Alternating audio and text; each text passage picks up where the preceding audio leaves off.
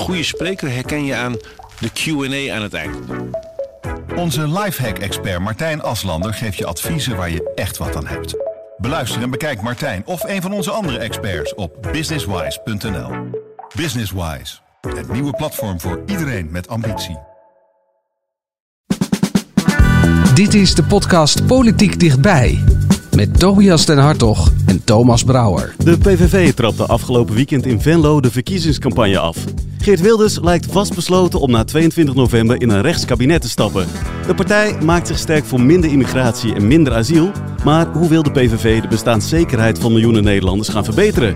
En hoe kijkt de partij naar de oorlog tussen Israël en Hamas? Dat en meer bespreken we vandaag met politiek verslaggever Niels Klaassen en natuurlijk Geert Wilders. Meneer Wilders, bent u al een klein beetje in uh, campagnemodus? Ja, u zei het al, of uw collega. We zijn uh, vrijdag hebben we onze aftrap gedaan in mijn eigen geboorteplaats Venlo. Dat was heel erg leuk en uh, dan kom je wel in de stemming. Ja. En, Ja. uh, en nou, zaterdag waren we afgelopen zaterdag in uh, Rotterdam uh, ook op de markt en de markthal. Dus uh, het begint wel uh, eindelijk campagne te worden. Begint zo te voelen. Ja. Niels, wat moet er vandaag volgens jou zeker worden besproken?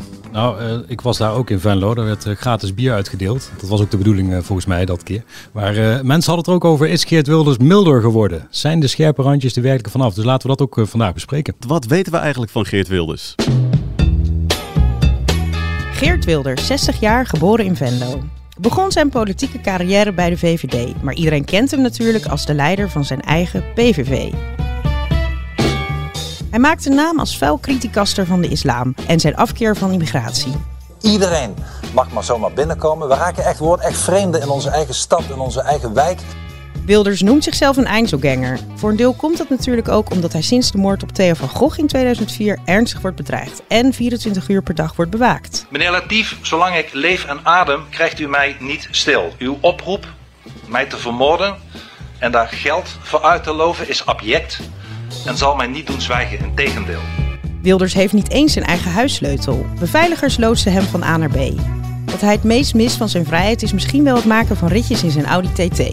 Ik heb uh, zelf ooit heel lang gespaard en een uh, Audi gekocht. Ik vind het ook een geweldig mooie auto, een degelijke auto, uh, een snelle auto. Als kind ging Wilders krijsen als hij zijn zin niet kreeg en kon er aardig voetballen. Als rechtsbuiten vertelde hij eens. Maar dat kan ook een grapje geweest zijn. Hij was beter in tennis. Wilders is een zelfverklaard workaholic. Zijn vrouw heeft om die reden ooit verboden dat hij s'avonds de iPad meeneemt naar de slaapkamer. Daar is geen woord aan gelogen, meneer nee, dat Wilders. jullie het allemaal weten. het is allemaal een Klopt keer allemaal. Ja. Heeft u gisteravond toch niet stiekem uh, de iPad meegenomen om toch even college nee, te nee, kijken? Nee, de, die regels zijn vrij streng. Ja. Um, ik heb het overigens wel gezien, want ik lag nog niet in bed natuurlijk. Okay. Zo laat was nee, het niet. het was vroeg. Het was vroeg. En, uh, maar ze gingen niet mee de slaapkamer en nee. Dat is een hele goede regel. En hoe heeft u gekeken naar het debat? Dat nou, om te beginnen, ik vond, het, ik vond het jammer dat ik er niet was. Hè. Het, zou, het zijn de grootste vier partijen, maar in alle peilingen zijn wij de vierde partij. Dus ja, ik vind dat ik er eigenlijk had moeten zijn. Maar Twan Huis had de regel dat alleen mensen die bij hem in het programma ooit waren geweest. En dat wilde ik niet, dus daar heb ik denk ik op die reden niet uitgenodigd. maar ja, ik, ja ik, het, wie ben ik om uh, collega's daarop te beoordelen? Ik vond het een beetje een, een, een, een ja, een, droogjes debat. Het moet nog op gang komen. Ja, het, het was duidelijk een, een eerste debat. Ja. Nog even iets uit de actualiteit. Vanmorgen op onze site hadden we het bericht dat 81% van de kiezers van plan is om op 22 november te gaan stemmen. Maar uit datzelfde kiezersonderzoek in opdracht van het AD blijkt tegelijkertijd dat het vertrouwen in de uh, politiek nog laag is. Wat ja. heeft u zelf de afgelopen jaren gedaan om dat vertrouwen te verbeteren? Nou ja, gewoon om uh, te zeggen wat je vindt. Hè. En wij zijn een, uh, op zich, natuurlijk zal het na de verkiezingen, als je mee wilt doen, moeten veranderen. Maar een compromisloze partij. En in de Tweede Kamer zie je dat iedereen om mee te mogen doen aan de macht, en dat punt maak ik ook al jaren hoor, dat men naar het midden toe beweegt en dat men uh, aardig en vriendelijk is voor elkaar. En dat dat nauwelijks echt dat mensen het gevoel hebben dat partijen voor ze opkomen. Als u hier dadelijk in Rotterdam op straat zou vragen iemand wat is het verschil tussen het CDA en de Partij van de Arbeid of de VVD en D66, dan weten mensen het vaak niet. En ik denk dat dat, dat het vertrouwen uh, heel snel kwijtraken bij mensen. Ze moeten hebben, uh, weten dat een partij voor iemand uh, opkomt. Uh, en ze zien nog liever een partij waar ze het niet mee eens zijn dan een partij waar ze niet snappen wat ze zeggen, wat ze bedoelen. Dus ik denk dat dat een beetje de dood in de pot is geweest voor de uh, politiek. We hebben iets van twintig fracties in de Tweede Kamer. En iedereen wil meedoen. Uh, vaak hetzelfde verhaal. En als je dat volgt, ik heb het zelf soms ook, dan denk je, waar ben ik in hemelsnaam in terechtgekomen? Maar ging het soms ook niet wat te fel eraan toe de afgelopen jaren? De debatten, te persoonlijk wellicht ook? Nee, ik hou er, nee juist niet. Uh, sterker nog, ik hou van wat ik dan noem het Anglo-Saxische model. Hè. Kijk dus naar de parlementen in in Londen, in het Verenigd Koninkrijk of in Australië of in Nieuw-Zeeland, dat soort landen, daar gaat het ook hard tegen hard. Het hoeft niet altijd op de man, maar wel hard tegen hard. En, en, en dat is mooi. Weet je, ik geloof niet in alleen maar consensuspolitiek. Een beetje een confrontatiepolitiek brengt vaak de, de verschillen heel goed aan het licht. Um, en uh, zullen ook uiteindelijk voor het beleid het beste zijn. We hebben natuurlijk geen twee-partijstelsel. De meeste landen die dat wat feller doen, hebben een oppositie en een, een regeringspartij. Ja. Dat is bij ons niet, maar um, ja, dat zou wel anders moeten. Maar dan mag je af en toe eens iemand een met een heks vergelijken bijvoorbeeld. Dat moet ja, kunnen. Dat, nou, dat, als u, als u, als ik, ik noemde u net een aantal parlementen. Als je daar naar luistert, dan is heksen dan is, echt een, een, een, een beginnetje. Een, een, ja, een heel klein beginnetje. We gaan door, want vandaag komt Mark Rutte aan in Israël om te praten met de Israëlische premier Netanyahu en de Palestijnse president Abbas. Het conflict tussen Israël en Hamas domineert de nieuwsrubrieken en zal ook deze verkiezingscampagne een thema zijn. Goedenavond. Er zijn al heel veel mensen om het leven gekomen in de Gaza-strook de afgelopen weken. En er is nu ook een Nederlandse dode, een 33-jarige vrouw... die gisteravond omkwam bij een explosie in Centraal Gaza. Eerder probeerde zij met haar gezin meerdere malen al om weg te komen uit de Gazastrook. Ja, meneer Wilders, we kennen uw partij als consequent op het standpunt Israël hè, en Palestina en Hamas. Zeker. Er zijn nu verschrikkelijke dingen aan de hand. Wat moet er volgens u gebeuren met de miljoenen mensen in Gaza? Staat u bijvoorbeeld ook achter die gevechtspauze die bepleit wordt door het kabinet? Nou, ik ga er niet over. Het is het uh, Israëlische uh, kabinet. Het is een democratie, zoals u weet. Uh, de enige in die hele regio waar een parlement een, een, kabinet naar huis kan sturen. En die gaan daarover. Ik hoop in ieder geval wel dat er hard wordt ingegrepen. Ik denk dat het niet anders kan. Natuurlijk is het zo dat onschuldige slachtoffers altijd voorkomen moeten worden, aan welke kant dan ook. En ook dat Nederlandse uh, slachtoffer um, is alleen maar heel erg te uh, betreuren. Maar ik denk dat de kans die de Israëlische regering aan de burgerbevolking heeft gegeven, van ga in ieder geval naar het zuiden van Gaza. Um, en misschien dat de Egyptenaren nog uh, de grens openzetten, voor, ook voor mensen, wie weet. Ik denk dat dat iets is wat hartstikke goed is, want de, de, de, de werkelijke oorlog is natuurlijk tegen de terroristische organisatie genaamd Hamas. Maar ik hoop wel uh, dat, uh, uh, ja, dat daar keihard tegen wordt ingegrepen. En, en, en daar valt ook geen nuance bij te zoeken. Dat moet je doen. Je kan geen oorlog winnen als je geen oorlog voert. En als je een oorlog half voert met allemaal resoluties in je achterhoofd, dan verlies je hem. Maar vooralsnog zit die grens dicht. Zijn mensen in nood? Miljoenen Gazanen weten niet wat ze moeten. Vindt u dan zo'n gevechtspauze waar het kabinet nu voor pleit, afgelopen vrijdag. Vindt u dat ook verstandig? Nou ja, weet u, um, ik ga daar niet over. Het gaat, ik ga niet over de afweging van de Israëlische regering, wiens mensen zijn afgeslacht. Er zijn heel veel Israëli's afgeslacht. En zij zullen um, ja, daartegen gaan optreden. Dat is mijn overtuiging dat ze dat gaan doen. Wanneer ze dat doen, hoe ze dat gaan doen, dat is niet aan mij. Ze hebben mij ook geen advies gevraagd, gevraagd en dat zou ik ze ook niet geven. Ik hoop alleen dat de hele internationale gemeenschap die nu naar Israël, volgens mij premier Rutte ook, naartoe gaat om maar te zorgen van jongens, doe het een beetje beheerst. Ik hoop dat ze dat niet doen. Ik hoop dat ze niet beheerst zijn. Ik hoop dat ze Hamas van de aarde vegen. Uh, maar natuurlijk wel uh, dat wil ik ook uh, door uh, zo min mogelijk, het liefst geen, maar dat zal een illusie blijken te zijn, onschuldige mensen te laten sterven. Dat wil niemand, dat wil de PV ook niet. Maar er moet keert worden opgetreden. Laatste vraag dan even daarover, want dat is helder verder. Maar wat voor een toekomst ziet u voor dit gebied? Want volgens mij, als we uw programma goed lezen, ziet u helemaal geen diplomatieke betrekkingen met, met wat u dan de Sharia-landen noemt. Nee. de Palestijnse autoriteit erkent u als zodanig ook niet. Maar wat is dan over 10, 20, stel dat deze nare episode voorbij is, wat is dan uw perspectief voor dit gebied? Ja, weet u, ik, uh, ik kende degene, uh, premier Sharon, een oud premier van Israël, heel goed. Ik was met hem bevriend. Ik was bij zijn beëdiging in de Knesset als gast en ook op zijn begrafenis. En het was een geweldige politicus, alleen heeft, hij heeft één fout gemaakt in zijn politieke carrière.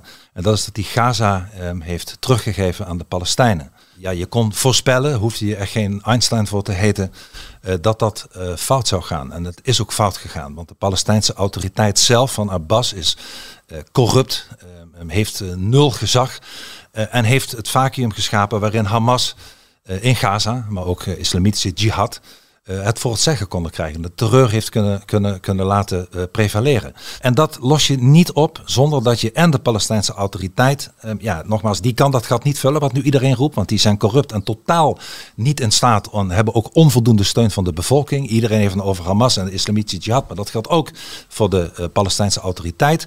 Dus je zal er iets aan moeten vinden. Kijk, in theorie, maar dat zal niet werkelijkheid worden, is er al een Palestijnse staat, die heet Jordanië.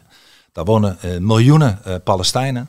Uh, daar zou uh, uiteraard vrijwillig um, heel veel Palestijnen naartoe kunnen gaan. Uh, want ik zie dat op de Gazastrook niets nog goed komen. Zeker niet met de Palestijnse autoriteiten. En al helemaal niet met Hamas en de islamitische jihad. Ja, een van de belangrijkste thema's deze verkiezingen is de bestaanszekerheid. Wij vinden gewoon dat Nederland terug moet worden gegeven aan de Nederlander. En 22 november moet de dag worden waarop we ons land terugveroveren. Tegen iedereen die nu naar de televisie kijkt, zeg ik: 22 november is de dag dat u uw land kan terugveroveren. Dit is de dag dat u uw land, Nederland, dat u weer de baas kan worden over uw eigen land. Ja, de PVV heeft het kabinet gesteund toen de koopkrachtmaatregelen eh, werden getroffen voor miljoenen Nederlanders. In uw eigen programma trekt u ook enorm de beurs hè, om Nederlanders bestaanszekerheid te bieden. Laten we daar even naar kijken. U wilt onder meer de AOW-leeftijd verlagen naar 65 jaar. Maar u weet ook, dat kost miljarden per jaar. Hoe gaan we dat betalen? Nou, weet u, ehm, je kan, er, je kan er op twee manieren naar kijken. Je kan zeggen, we gaan het eh, nu al meteen regelen dat het voor eeuwig gebeurt, dan kost het miljarden. Waar wij naar hebben gekeken is, wat zijn de kosten eh, voor deze kabinetsperiode? Dus dan, dat is een beetje technisch, maar dan hoef je het maar te dekken tot, eh, laten we zeggen, 2023, 2028. En dan zijn dat een paar miljard, nog steeds veel geld, maar veel minder dan dat je het nu al in zou moeten boeken voor die hele tijd. We hebben meerdere wensen. We hebben AOW. En, daarna ook- dan, dan moet je weer langer doorwerken. nee, daarna moet je dus na vier jaar een nieuwe dekking zoeken Juist. voor de volgende vier jaar. Dus je hoeft niet alles structureel te betalen als je maar betaalt voor de volgende periode. En daarna moet je weer opnieuw geld Dan moet. Wilders, kabinet Wilders 2 dat wel weer dekken natuurlijk. En dat gaat kabinet Wilders 2 ook doen, want Ja. kabinet Wilders 2 gaat bezuinigen op eh, bijvoorbeeld ehm, ehm, ehm, alles wat te maken heeft met eh, ontwikkelingshulp, eh, met geld wat we aan de Europese Unie geven.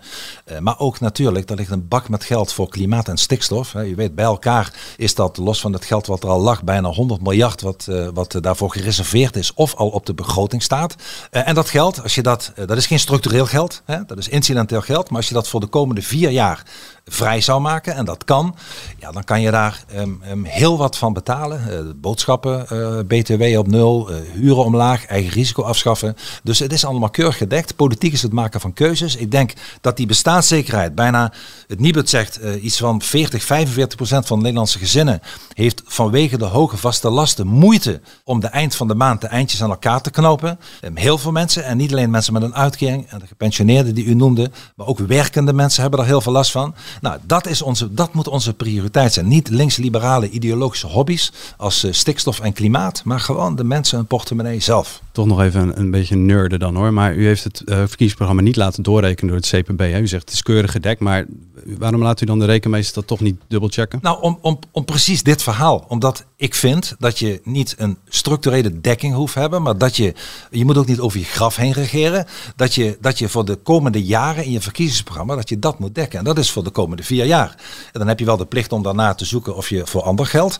Eh, maar het CPB rekent dat structureel uit en dan krijg je een heel ander plaatje. Nog los van het feit dat ze bijvoorbeeld voor een forse immigratiebeperking, ik noem maar een voorbeeld, eh, ja, dat ze daar in het verleden eigenlijk nooit heel veel geld voor gaven. Omdat ze zeggen van ja, dat, dus die wet kan Moeten dat, maar kijken eh, wat het oplevert. Ja, nou ja, nee, maar dat verdrag staat dat niet Ja. toe en die wet staat het niet toe. Ja. Dus het, het is een beetje een politiek orgaan geworden in plaats van een, een, een, ja, een eerlijke rekenmeester. Maar hoe gaat u dat, eh, want u wil besturen, daar gaan we daar nog over hebben. Heel veel partijen, ze willen wel die maatregelen. Dus hoe krijgt u dan draagvlak voor uw plannen? VVD, Omtzigt, PvdA en GroenLinks willen toch nog steeds die klimaatmaatregelen nemen. En ook die ontwikkelingshulp door laten gaan, asielopvang. Nou ja, kijk, eh, eh, de verkiezingscampagne is dat je de boer op gaat met je eigen ideeën. Dus ik ga nou niet in een verkiezingsprogramma, volgens mij doet hopelijk geen enkele partij dat, dat je al het compromis in gaat bakken in je verkiezingsprogramma. Het verkiezingsprogramma is waar de PVV voor staat. En dit zijn allemaal dingen die wij willen en waar we ook in het vorige verkiezingsprogramma door onze kiezers voor zijn gekozen. Dus daar knokken we nu voor. En na de verkiezingen inderdaad, dan moet je kijken met welke partijen kan je eventueel gaan praten. Wij willen graag meedoen, wij willen graag regeringsverantwoordelijkheid nemen. En ik heb ook gezegd al eerder, eh, we hebben geen eh, taboes, eh, wel op de, of breekpunten, wel op de uitkomsten. Als iemand bijvoorbeeld zegt van nou wij willen dat er meer immigratie komt, dan zullen wij niet aan tafel schuiven. Maar als iemand zegt nou ja wij willen ook heel veel minder, maar op een andere manier. Ja wie ben ik dan om daar niet mee te gaan praten. Dus je kan een heel eind komen, alleen in, in de campagne moet je gaan voor je eigen ideeën. En niet gaan zeggen van nou ik, ik schrijf ze maar niet op, want iemand anders wil dat niet. Als de volledige financiering van uw plannen bestaat uit een project dat anderen vooral door willen drukken, dan wordt het natuurlijk super ingewikkeld. Nou, dat ligt er maar aan. Volgens mij zijn wij niet de enige die een groot probleem heeft met het stikstofbeleid van het kabinet. Volgens mij zijn dat heel veel partijen in Nederland. Volgens mij zijn er ook heel veel mensen in Nederland. En als je kijkt naar klimaat, ja, wij zijn geen klimaatontkenners. Hè. Ik zeg ook niet van um, het, het gaat allemaal uh, hetzelfde met het klimaat of er is geen probleem. Ik zeg alleen de invloed van, van Nederland is daar klein op. Dus als je nou, en ook dat hebben we ons verkiezingsprogramma een miljard uh, voor vrijgemaakt. Als je nou zegt van nou wij gaan ervoor zorgen dat de gevolgen van het klimaat dat we die redresseren. Dus extra geld voor um, dijkverzwaring en verhoging. Maar ook voor wat dan heet ruimte in de rivier. Hè, dat als de, als de, bij mij in Limburg of in Brabant of in Gelderland, als de over, overstromingen zijn, dat je dan zorgt dat dat water weg kan. Ook daar heb je extra geld voor nodig. Dus je gaat dan niet voor een, 100 of wat is het, 30, 40 miljard aan stikstof besteden uh, voor, om de temperatuur, of een, klimaat, sorry, om de temperatuur in Nederland met, wat is het, nog geen, nog geen graden of nog geen, geen duizendste graden uh, minder te laten stijgen, maar dat je kijkt naar de gevolgen ervan. En dat is denk ik heel verstandig. En dan kan je heel veel met, met ander geld kan je heel veel andere dingen doen. En ik hoop daar andere collega's van te overtuigen. En u gaat de anderen inderdaad daarvan overtuigen. Uw, uh... Ik ga mijn best doen. Ja, ja. Ik hoor de VVD al zeggen, ja, minder migratie willen wij ook wel. Maar u zegt ook altijd, ja, die partij levert nou al jaren niet. En dan toch met die partij om tafel. Dat klinkt toch een beetje dubbel. Ja, maar het alternatief is met uh, Jesse Klaver of Frans Timmermans. Uh, en dat, die hebben niet één maatregel in een verkiezingsprogramma staan om minder instroom te krijgen. Ze hebben wel iets in het programma staan om mensen die er niet mogen zijn sneller weg te krijgen. Maar niet om de instroom te beperken. En ja, als je de, als je de kraan open laat staan, dan heeft dweilen heel weinig zin. Um, dus het, het zal niet anders kunnen dan met dat soort partijen. Ik moet wel zeggen dat de, de VVD heeft natuurlijk een ontzettend slechte track record. Ze hebben de afgelopen jaren dat uh, Mark Rutte premier is geweest, ja, hebben ze eigenlijk er één hele grote puinhoop van gemaakt. We hebben 3 miljoen uh, migranten binnengekregen in die periode, waarvan meer dan 1 miljoen niet-westerse allochtonen. Um, ze hebben ook nu vandaag weer, ik erger me kapot aan de VVD. Je ziet wat een slapheid ze nu hebben met al die demonstraties in Nederland, met al die verkeerde vlaggen. En met twee vingers in de neus zit mevrouw Jisselgus uh, um, ja, niets te doen. Hè. Het mag allemaal in Nederland. Met, met de meest verschrikkelijke vlaggen, met zinnen hier in onze Nederlandse steden. Met dat Palestina moet worden bevrijd van de rivier tot de zee. En daar bedoelen ze mee van de Jordaan tot de Middellandse Zee. Met andere woorden, Israël moet van de kaart verdwijnen. Hè. En landen als, als Oostenrijk en zo. Is dat gewoon strafbaar en verboden om dat te roepen? In Nederland gebeurt het overal. Komen mensen met vlaggen, met de Shahada en andere teksten erop. En de VVD kijkt ernaar en doet helemaal niets. Een totale zwakte. Dus ik ben het met u eens. Zal moeten veranderen. Uh, want, niet, uh, ja, dat klinkt niet als de ideale nee, maar, coalitiepartner. Nou, ja, nee, nou, ik, er zijn weinig andere partijen waar je een beleid mee zou kunnen voeren. Ik hoop ook en ik denk ook, ze hebben het kabinet erop laten vallen. Ze hebben het laten vallen vanwege onder andere hun eigen falen tien jaar lang tijd. Dat ze dat bereid zijn om dat nu te doen.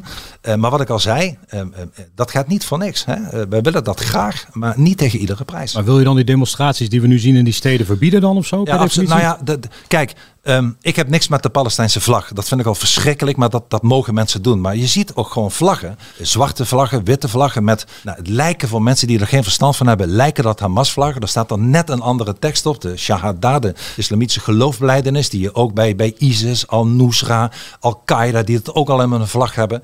En ze roepen dus teksten die oproepen om het Joodse volk en de Joodse staat eh, te vernietigen. En de mensen die dus vlaggen bij zich hebben, meneer Wilders, zeggen ja, wij prijzen hier uh, Allah of uh, de islam. Ja. Dus, dus, nou, die, maar u zegt vlaggen, per definitie, joh, uh, demonstratie, die verbod. Die vlaggen, ik heb het over die vlaggen specifiek, plus die uitspraken en het zingen van Palestina bevrijden van de rivier tot de zee. Uh, daar moet korte metten mee worden gemaakt. Dat moet, die moet, dat moet stoppen. Die moeten worden verboden. En die mensen die moeten worden vervolgd. En dat moet keihard worden ingegrepen.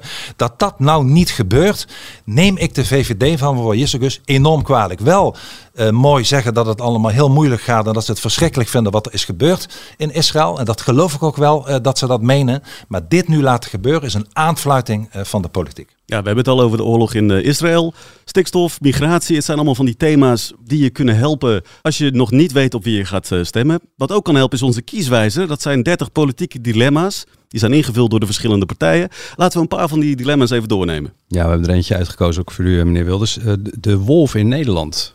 Moeten we die de ruimte geven of doden? Nou, als die tot overlast leidt, wat ook vaak gebeurt hoor, bij boeren en anderszins, dan moet die absoluut worden gedood.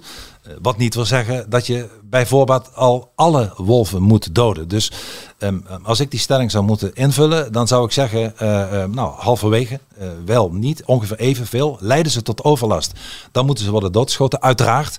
maar dat wil nog niet zeggen dat je iedere wolf die in Nederland tegenkomt moet afschieten. De jonge Gauw is het daarmee eens? Um, dan, als dat niet zo is, is die dat nu.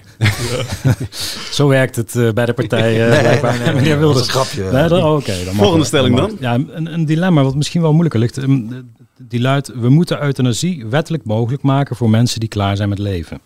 Bent u het daarmee eens, zeg maar de voltooid leven plannen? Nou, dat weet u. Um, um, ik heb daar, uh, ligt, er, ligt er heel erg aan welke omstandigheden. Maar wat belangrijk is om hier te antwoorden, is dat wij als fractie hebben besloten om, uh, wij zijn volgens mij ook niet de enige fractie, maar om dit soort thema's om wat wij noemen een, uh, een persoonlijke kwestie te maken. Dus dat heb ik eerder gezien uh, bij plannen over abortuspillen via de huisarts, dat er in mijn fractie verschillend over wordt gedacht. En dat is goed, dat is een teken van volwassenheid van de partij.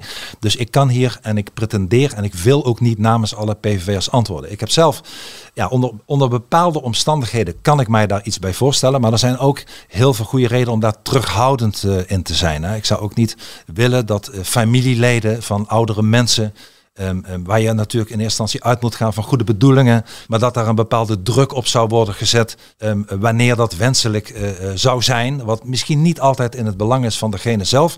Uh, nogmaals, er zijn ook verhalen te vertellen voor het tegendeel. dat maakt het ook zo gevoelig en niet echt een campagnethema ook.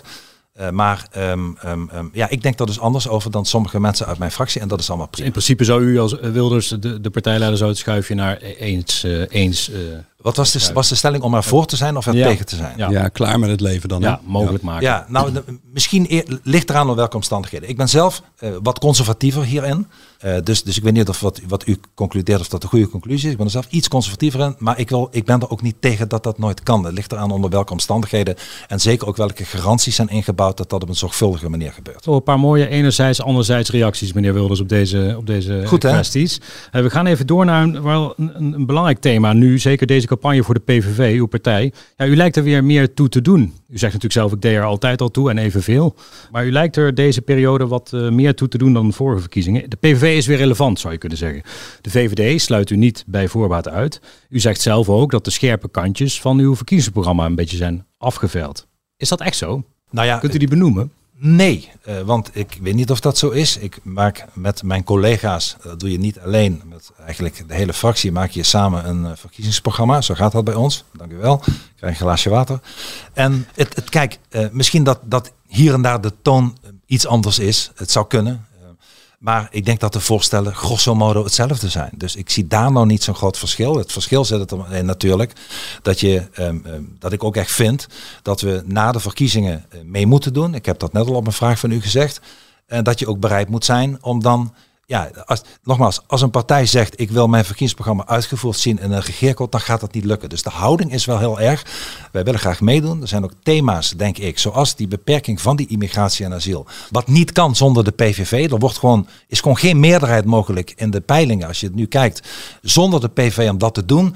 Heel veel mensen vinden dat ook belangrijk. Dus wij, wij willen daar graag aan meedoen. En, en, en daarom hebben we het verkiezingsprogramma ook zo geschreven. Maar dan staat de kern overeind. Hè. Er staat bijvoorbeeld in grensbewaking, asielstop, geen islamitische scholen, geen Korans.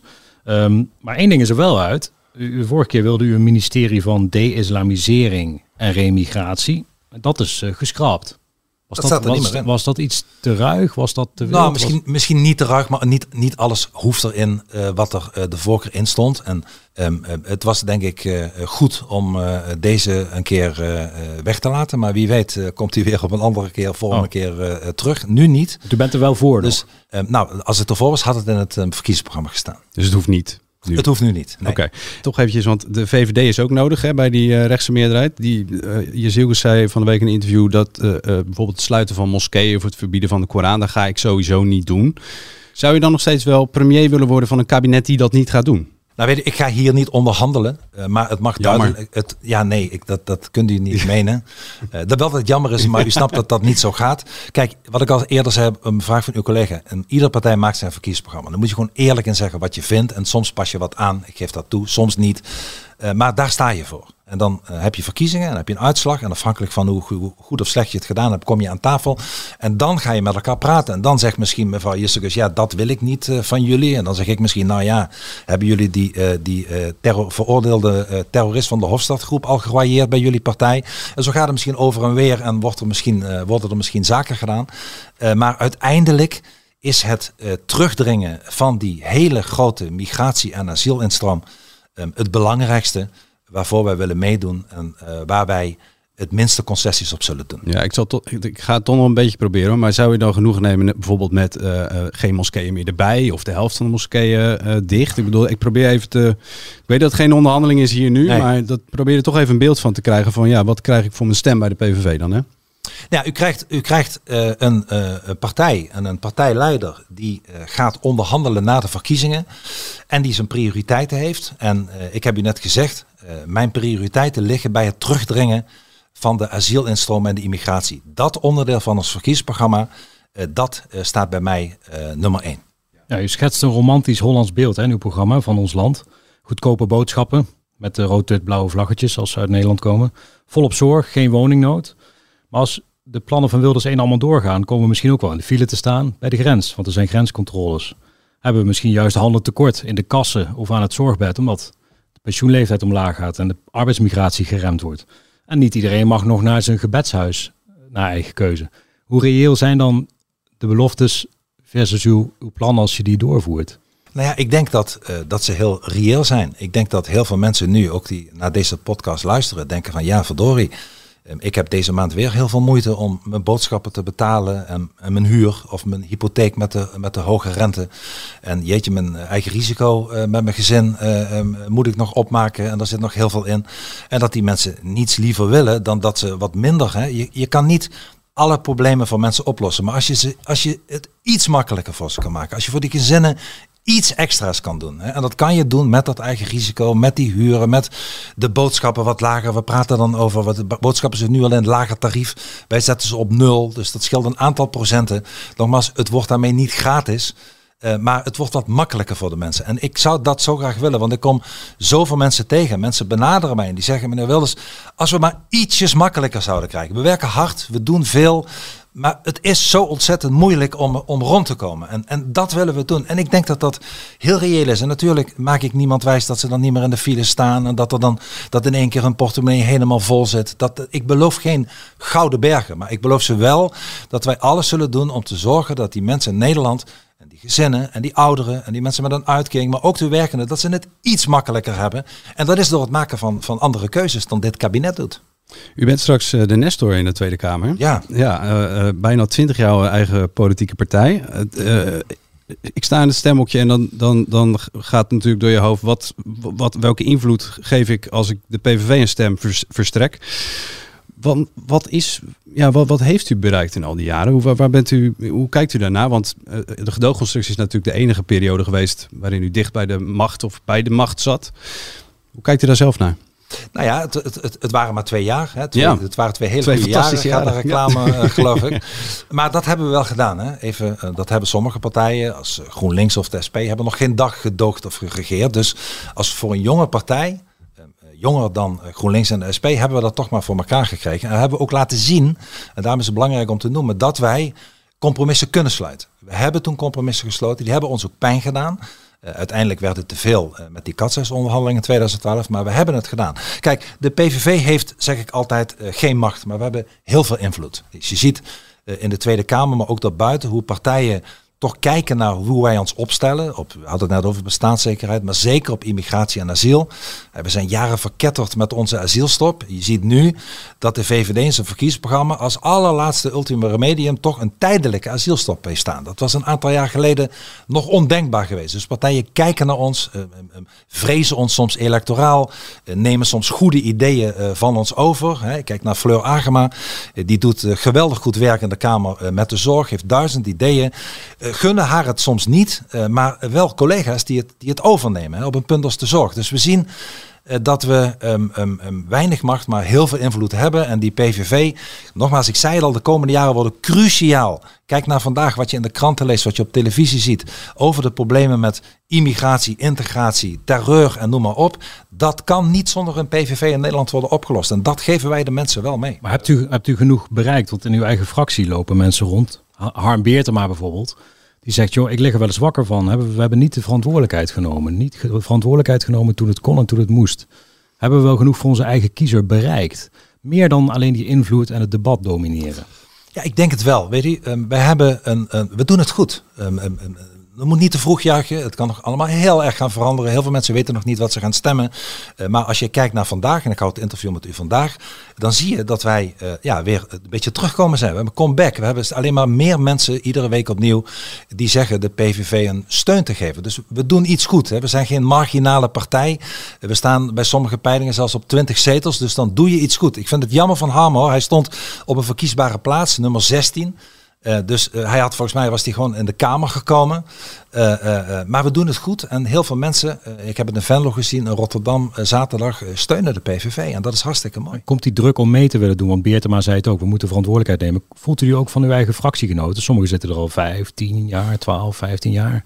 Nee, we hebben, we hebben wat dat betreft totale eensgezindheid hoor. We hebben ehm, altijd de behoefte om mee te doen. Sterker nog, in het vorige verkiezingsprogramma had ik zelfs opgeschreven dat de grootste drie partijen eh, verplicht moeten worden om met elkaar de onderhandelingen te gaan doen. En wie het ook waren. Dus dat stond al de afgelopen keren ook in ons verkiezingsprogramma. En iedere partij, en ook iedere partijleider die zichzelf en zijn kiezers serieus neemt, die moet gewoon willen meeregeren. Natuurlijk, ik kan heel goed oppositie voeren en ik doe het met alle plezier. Maar nog liever doen wij mee en besturen we mee en maken van Nederland weer een land waar Nederlanders weer op één komen te staan. Is dat, dat meedoen, zou dat ook nog een keer in een gedoogconstructie eh, kunnen gebeuren? Nou, mijn voorkeur heeft om het eh, deze keer in een eh, gewoon normale regeringspositie eh, te doen. Dat geen heeft nee. absoluut mijn voorkeur. Nou ja, d- geen Ja. nee. Oppositie is ook geen nee, maar mijn voorkeur gaat uit naar meedoen als regeringspartij. De keuze die we op 22 november in het stemhokje maken, die heeft niet alleen invloed op de korte termijn, maar ook op de lange termijn. In de rubriek De Jeugd heeft de toekomst stellen jongeren hun vragen aan de lijsttrekkers. Ik ben Sachi, ik ben 19 jaar. Ik ben student, klimaatactivist en dit jaar ben ik de voorzitter van Youth for Climate Nederland. We merken dat heel veel eh, kinderen echt wel zitten met het probleem van klimaatverandering. Ze hebben door dat het een heel groot probleem is en ze snappen zelf niet zo goed hoe ze ermee om moeten gaan, wat ze er nog aan kunnen doen. Want ze weten van, ze moeten zelf ja, duurzaam leven, minder vlees eten, dat soort dingen. En dat doen ze allemaal al, maar ze hebben door dat het probleem veel groter is. En ze hebben het gevoel dat de politiek er misschien niet genoeg aan doet. Nou, het blijkt uit een onderzoek van Milieudefensie dat 70% van de jongeren zit met klimaatstress. Die maken zich ernstige zorgen over het klimaat. Daarom vraag ik me af of u zich realiseert dat klimaatstress zo'n groot probleem is onder jongeren en wat u van plan bent daaraan te doen. Nou, ik geloof niet dat u klimaatstress heeft, toch? Nou, ik krijg stress van de klimaatstress. Ja? eh, ongeveer. nee, ja, ik, ik zou zeggen, ehm, ehm, en nogmaals zo, en ze bedoelen het allemaal hartstikke goed en het zal ze ook wel allemaal zo zijn verteld. Maar laat je niet gek maken. Laat je alsjeblieft niet gek maken. Geen vlees eten. Dingen, het, wat een, een- ja, ik, nogmaals, mensen mogen doen wat ze willen hoor. Maar ehm, waar wij een eh, klimaatprobleem hebben, lossen wij dat in Nederland niet op door eh, geen vlees te eten of eh, eh, boeren weg te jagen of wat dan ook. Maar lossen we het vooral op door ervoor te zorgen, wat ik eerder al zei, dat wij de gevolgen van die eh, klimaatontwikkeling, die er zeker zijn, Adaptatie. eh, dat we die adap- adaptatie, zoals je dat eh, eh, terecht noemt, ja, dat we daar wat aan doen en dat we daarin investeren. Daar hebben we echt veel meer aan dan eh, ons gek laten maken door. eh, maar dit, dit, dit is wel wat heel veel kinderen op school leren, hè, wat ze op televisie zien. En dat is de, toch een beetje wat ik noem de, de linksliberale indoctrinatie. Die, eh, ja, die zorgt dat mensen dit gaan geloven. Maar los van de Nederlandse invloed op, de, op klimaatverandering. klimaatverandering is wel iets wat breed maatschappelijk, wetenschappelijk wordt, ja, wo- wordt omarmd, wordt, wordt verteld. Dit is aan de hand.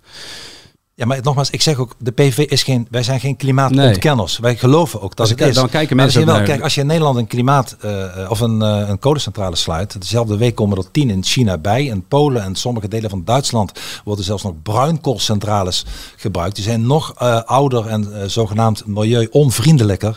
Dus ik, ik zeg alleen maar ehm, eh, dat wij nu in Nederland voor die, voor die beruchte 0,0006 graden minder temperatuurstijging zoveel miljarden uitgeven die wij, ik hoop dat u daar ook nog een bandje van heeft, van die moeder met kinderen die hun kinderen niet meer naar eh, de sportschool kunnen sturen of hun boodschappen niet meer betalen of uit het huis worden gezet omdat ze een huurachterstand hebben.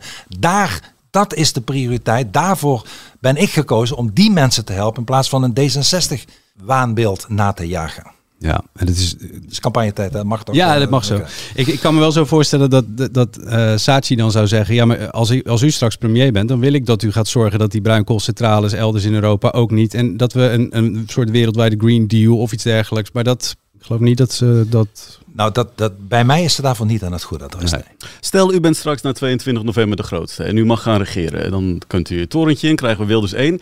Welk portret komt er dan aan de, aan de muur te hangen?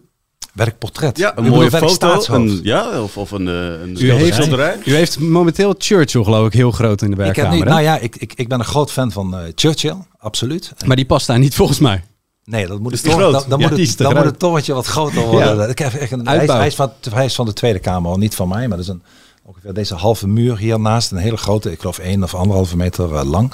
En ik ben een groot fan van Churchill, niet alleen voor wat hij in de Tweede Wereldoorlog deed, maar hij was als, als, als begin twintiger, was hij luitenant in het Engelse leger in een Britse oorlog in de Soudaan. En eh, nou ja, die tijd, ik zal er niet te veel over uitweiden, maar het was gewoon een enorme, interessante eh, en slimme man. Inspiratiebron. Absoluut. Dus die- ik weet niet of ik die op zal hangen, maar hij zou wel een plekje verdienen. Gaat Zeker. die eh, grote Rolex-klok ook mee eh, naar het torentje dan? Of? Ja, dit is een nepklok. Maak je geen zorgen. Dit is een, eh, maar wel een Deze moeten we even uitleggen. Hè? Ja, eh, bij Wilders op zijn werkkamer hangt, volgens mij draagt hij zelf ook een, een mooi horloge. maar op zijn werkkamer hangt een soort mega-versie van een, van een Rolex wijzerplaat als, Ja. als klok. Maar ik, hoor nu dat hij het niet doet. ja, nee, hij doet het wel, maar het is, het is geen echte Rolex. Dat bedoel ik. Het is een, dan, want dan, zou die, dan zou ik miljonair zijn bijna. Dat is die niet. Maar ehm, ja, ik vind het wel leuk. En iedereen mag zijn hobby's hebben, toch? Ik hoor al dat er meerdere opties zijn voor het straks. Eh, we zijn eh, aan het einde gekomen van deze aflevering. Geert Wilders, dank voor uw komst. Jullie bedankt. Ja, vrijdag zijn we er weer. Dan is eh, Esther Ouwehand van de Partij van de Dieren gast. Eh, is er een vraag die u graag aan, aan haar wil, zou willen stellen? Nou, ehm, ik vind het knap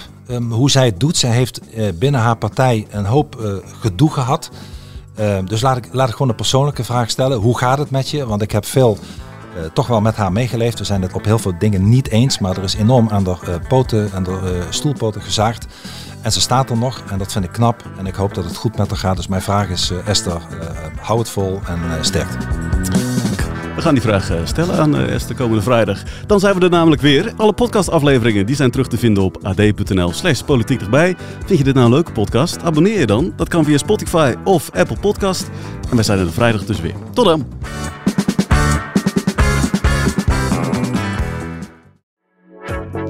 Mensen luisteren niet naar wat je zegt, maar kopiëren wat je doet. Onze vitaliteitsexpert Martin Hersman helpt je te focussen op wat echt belangrijk is. Beluister en bekijk Martin of een van onze andere experts op businesswise.nl.